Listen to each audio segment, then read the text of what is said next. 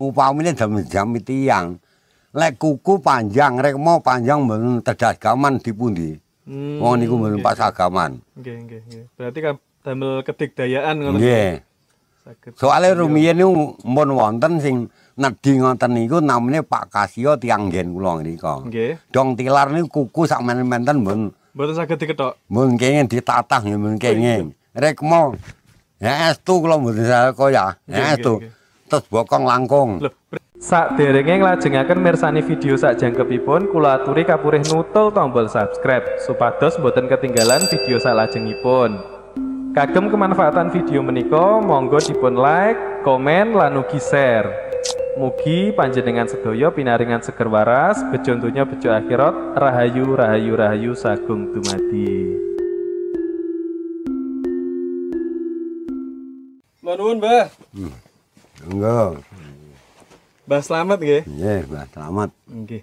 Jenengan teng mriki pun pinten taun, Mbah? Teng pundi niki namine? Eh Wono gedong nih. Wono Gedong, nggih. nggih. Dosa tahun man Dosa cilik-cilikan. nggih, wonten situs namine eh, Omben Jago kawi. Panji Laras, Nggih, nggih. Panji Laras. Lek niku ceritane pripun, Mbah? Lek Panji Laras niku riyen?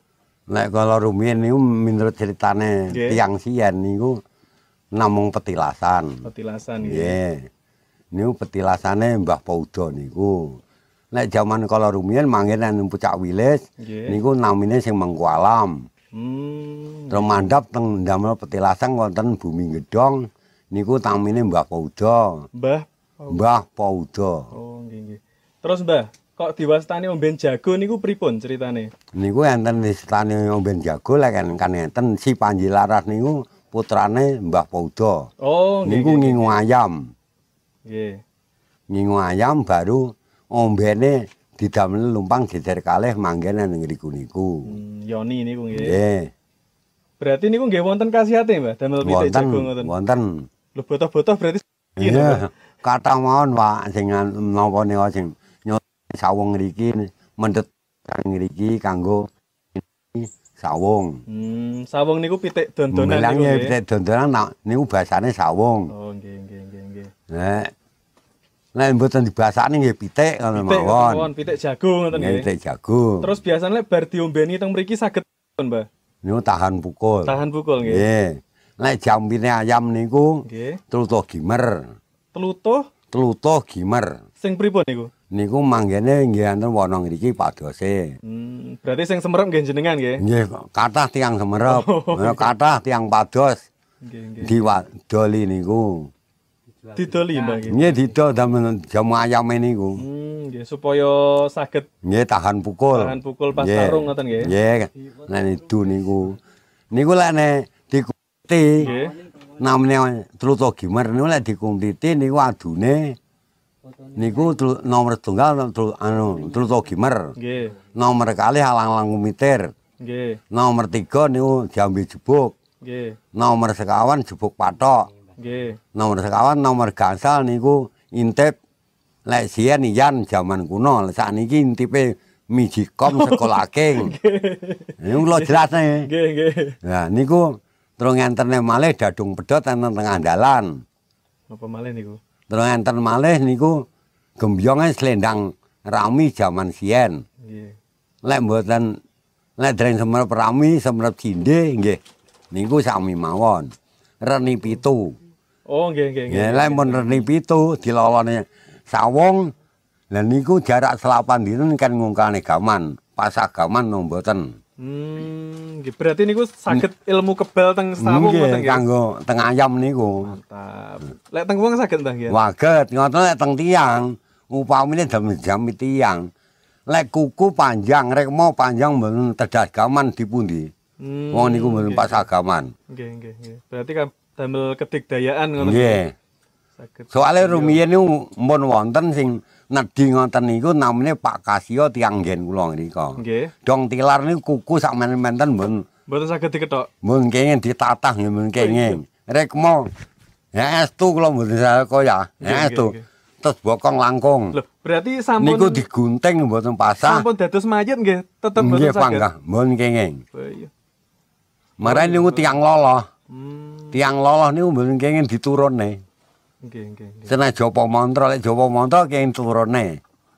Berarti niku met patrahan niku wau nggih. Eh, loloan niku wau Nggih. di Nggih sami kalih ngeloloh pitik ngoten. Nggih padane ngelola ayam ngoten niku lek tadi tiang. Hmm, nggih nggih nggih nggih. nggih. Tapi ramuane niku wau nggih tasik, Mbah. Jenengan nggih tasik saged madosne nggih. lek upamine pados tasik waget. Tasik saged nggih. Sing kula mboten waget madosne namung reni setunggil. Napa niku, Mbah?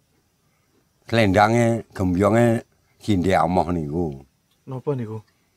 Cindhe amoh ya slendang rami, slendang rami ya cindhe amoh. Hmm. Niku slendange tiang sien zaman kunama kunane ngoten. Oh, nggih nggih nggih. Berarti warisan leluhur ngoten. Nggih. Niku. Ngono tiang sakniki mbok sing kata-kata mboten enten sing simpen. Hmm, nggih nggih. Terus, Mbah, jenengan kan teng mriki pun dangu nggih. Pinten tahun, Mbah? Lah dosa tahun mampun enten. Nggih, sedasa tahun. Terus biasane niku jenengan piyambak, Mbah gitu. Nggih kiambakan. Biasane niku enten nganu mboten, Mbah? Enten kejadian ketemu kalih napa-napa ngoten mboten? Mboten mboten enten. Mboten nggih. Mboten enten. Terus umpami napa ketemu kalih napa nggih namine? Dedemit ngoten nggih mboten? Nolong. Demit no. Pun tangga berarti. Mun kanca niku lek Kanca. Ndruwo to niku kanca lek kali kula. Ceritane pripun, Mbah? Ceritane pripun? Alah. Oh, mboten nate purun ketawis ngono sakniki. Oh, ngaten nggih. Pun isin nggih berarti. Pun isin kali kula niku. Nggih, nggih, nggih, nggih. Lek perjalanan hidupnya jenengan, Mbah, selamat. Riyen kok eh saged teng mriki niku pripun ceritane? Terus riyen nate teng pundi mawon, Mbah? Nah, rumiyin niku kisah kula niku etongane merantau Nggih. dados pemburu niku dugi pundi-pundi lek rumiyin. Nggih kula. Nggih, nggih. Terus Nggih jaman surat kula tasik gesang mendet ing kabupaten. Oh, nggih, nggih.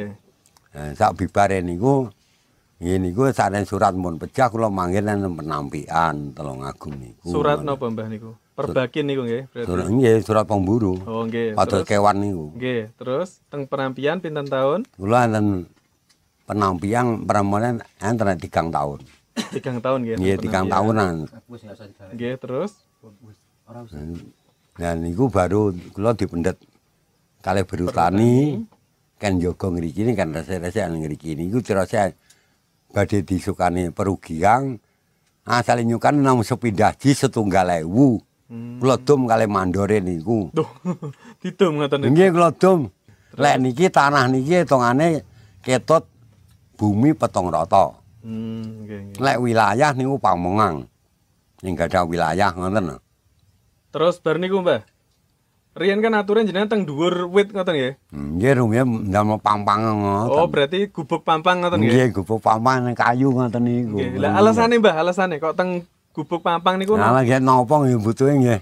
Sire niku nggih namung nyipeng lek dalu. Oh, maksudnya wedi di rayah kewan Oh, lah mboten, mboten. Mboten nggih. Mboten.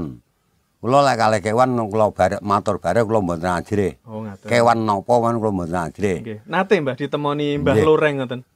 Eh, Mbah Loreng sok nate, Nate, tutul nggih nate. Lek sing ceritane Mbah Loreng niku pripun, Mbah? Jenengan kan riyen berburu to. Pas zamane berburu niku nate mboten ketemu terus Lah nggih niku tahun lek mboten klentu tahun 8 kalih lek mboten 8 tiga. teng pundi Mbah niku, Mbah? Nggih wonten mergo pasar niku. Warga Pasar Wilis mriki nggih. Nggih, sing lo sing loreng lho Nggih. ngoten. Niku pripun ceritane? Nah panggihe niku kula mburu ngoten iki sing kula buru kan babi hutan. Nggih. Lah terus asu kula niku mburu.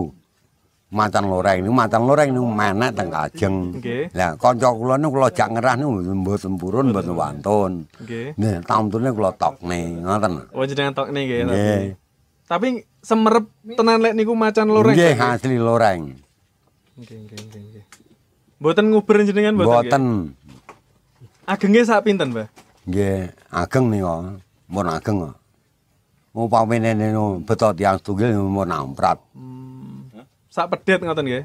Mboten enten. Mboten enten. Mboten nggih sami mendo. Oh, nggih, berarti tasih anakan hitungane. Nggih. Nggih, nggih, nggih. Terus namung sepindah niku mawon, Mbah, tahun Nggih, 82 niku. Nggih namun niku.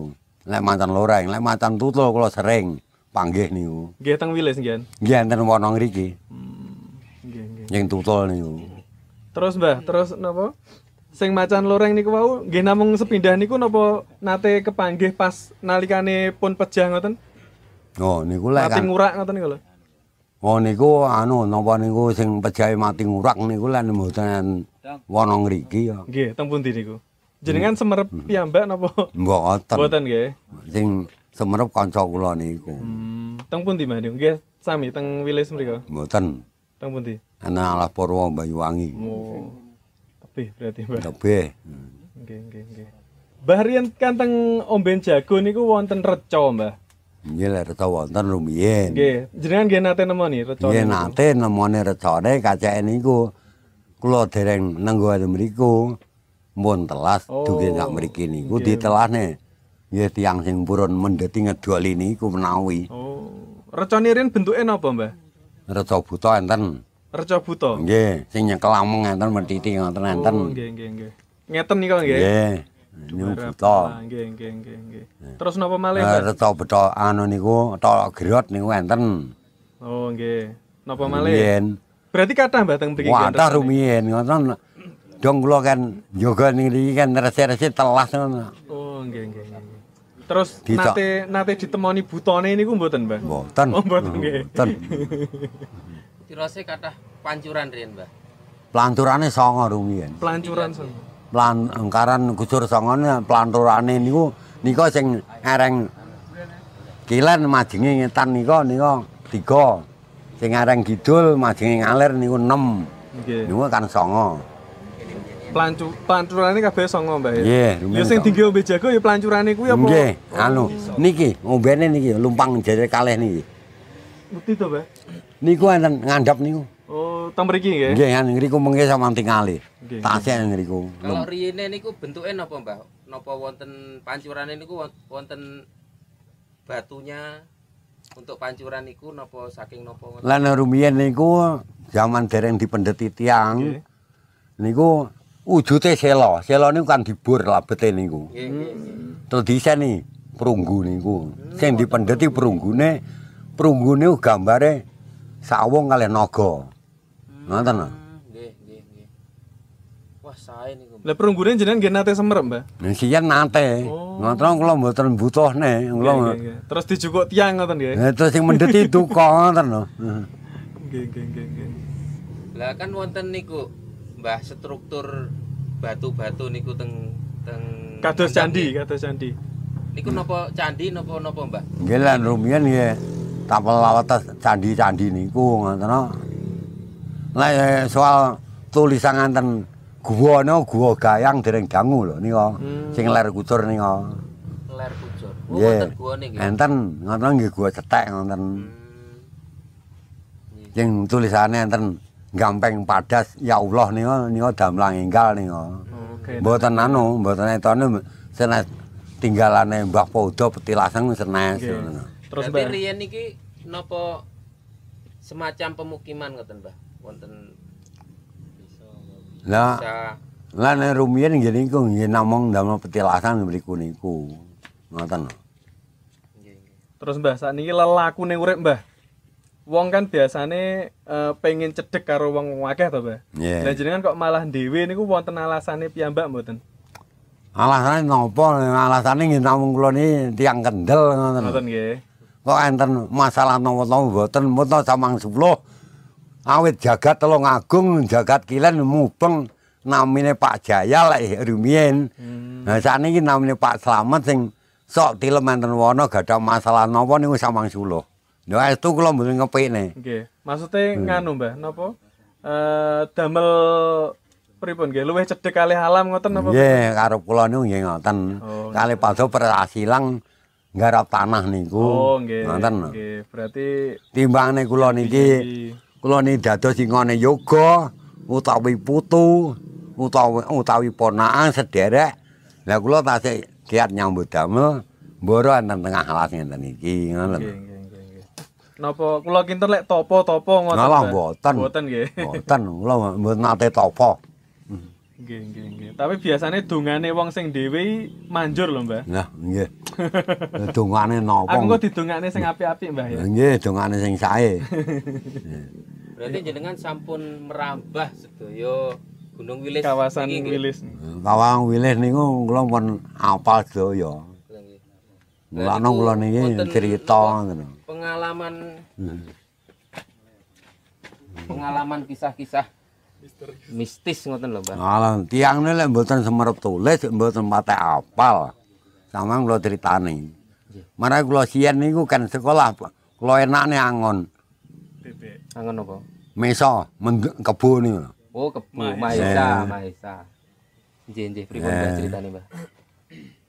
Eh, nggih griyane niku wonten Kanyorang Gediri. Sekolahane enten Mojo sinten ing purun. Kayak siyen mboten enten montor. Nggih, nggih. Kados sakniki. Kok mboten sekolah teng Kediri mawon? Sekolahane enten Mojo ngriki lho siyen. Lho, jenengan teng Kanyoran. Nggih, Sekolahane wontene teng Mojo. Mojo. Oh, namung teng Mojo. Nggih. Oh, nggih, nggih, nggih. Alitan kula niku kecamatan niku kriyen Gambak Ploso. Nggih. Alitan kula bar Ploso. Ploso bubar ngalih enten Mojo niku, ngoten kecamatan niku. Terus Mojo sakniki dong tiang kathah to mecahne dugi pundi-pundi niki, kalian lepet niku. Nggih, nggih. Ngaler ngantos semen, to grogol. Niku ngaler-ngaler niku. Hantu penunggu hutan, guys. Oh, nggih, Mbah. Wonten mungkin pernah ningali hantu penunggu hutan ngoten, Mbah? Allah mboten. Mboten wonten. Mboten. Mosok nggih mboten wonten anu to, Mbah? Mbah, jenengan riyen kan ate sakit mati separuh utawi stroke niku to, Mbah? Nggih. Lah Lah niki wonten mantun ngoten. Oh, nggih tadi nganu nggih, Mbah nggih. Niku kok saged mantun pripun, Mbah, ceritane, Mbah? Diobati napa napa ndamel ramuan napa ngoten? Ramane betok kiambak. Betul ya, Mbak? Nggih. Loh, jenengan berarti keadaan stroke niku melampah nganu pados ramuan ngoten. Alah, mboten. Lah pripun? Lah, ada pada ramuan di pundi wong mlampahi mun waget. Hmm, Lek pipis mawon. nggih nggih nggih. Berarti pripun ramuan niku? Teng awake dhewe. lah nggih. Asale pipis nu ditatongi kom. Terus carane, Mbah, carane ampun Carane nggih. Nggih upane raos pipis nggih. Niku ditatongi kom. Oh, maksudnya menaten- carane marekne awake. Lah nggih. carane pipi. Lah nek setrum mon kula dudohi Nggih, sampean. nggih, pripun pripun? Nggih. Timbangane pados obat ing king dokter Nggih. niku regane larang. Nggih, Nggih mboten gadah dhuwit. nggih. Penak jampine beto kiambak niku. Lek pipis ditatongi kriyen. Nggih. Lek mun cekap asale pipis niku dibucal madret jawabe mboten bucal toyan asale medani king jiwa raga mbucal penyakit. Jawabe niku dibucal madret teng ibu bumi Nggih. turahane dinum sak segoang. Hmm. Ngoten takine ping 9. Nggih, nggih, nggih. Niku lek mboten gadah tiyang sepuh lho. Lek tasik gadah tiyang sepuh di setan toya tempur niku uyuhe tiyang sepuh estri kalih jaler ket natongi. Dinum sepindah sekap. Hmm. Mun to kirang pecados sampean lene arep eh, nambahan tiyang sakit stroke. Mun Ngoten nggih. sajar kula niku samang Nggih. nilai. Nggih. Ngoten niku mboten waget waredeg sanyet mboten lambat ngoten lho. Proses, Mbah. Nggih, dangu-dangu mantun lah buktine kula niki cangkem kula waune mun muntir, tangane mun kene ngobah, sikile mun kenging. Saniki mun angkas malih.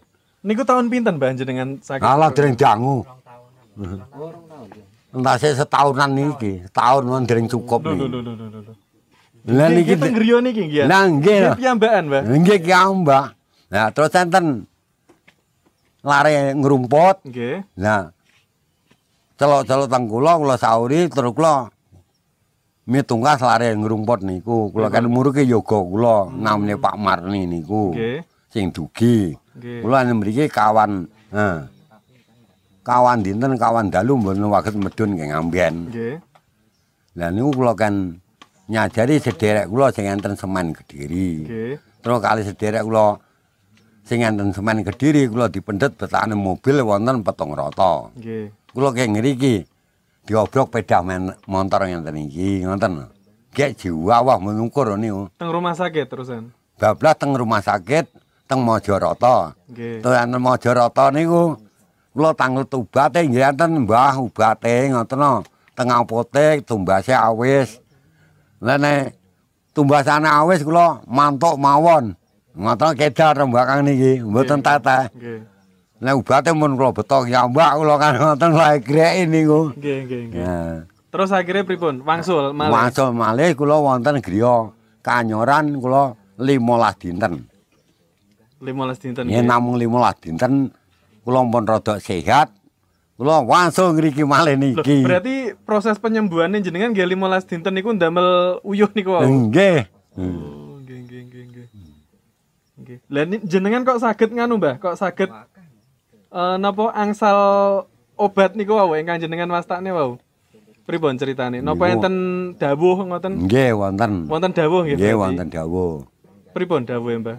Nggih niku keng ipan tiang tilem niku lho. Hmm, nggih nggih nggih nggih. Pripun mimpine jenengan pripun? Nggih.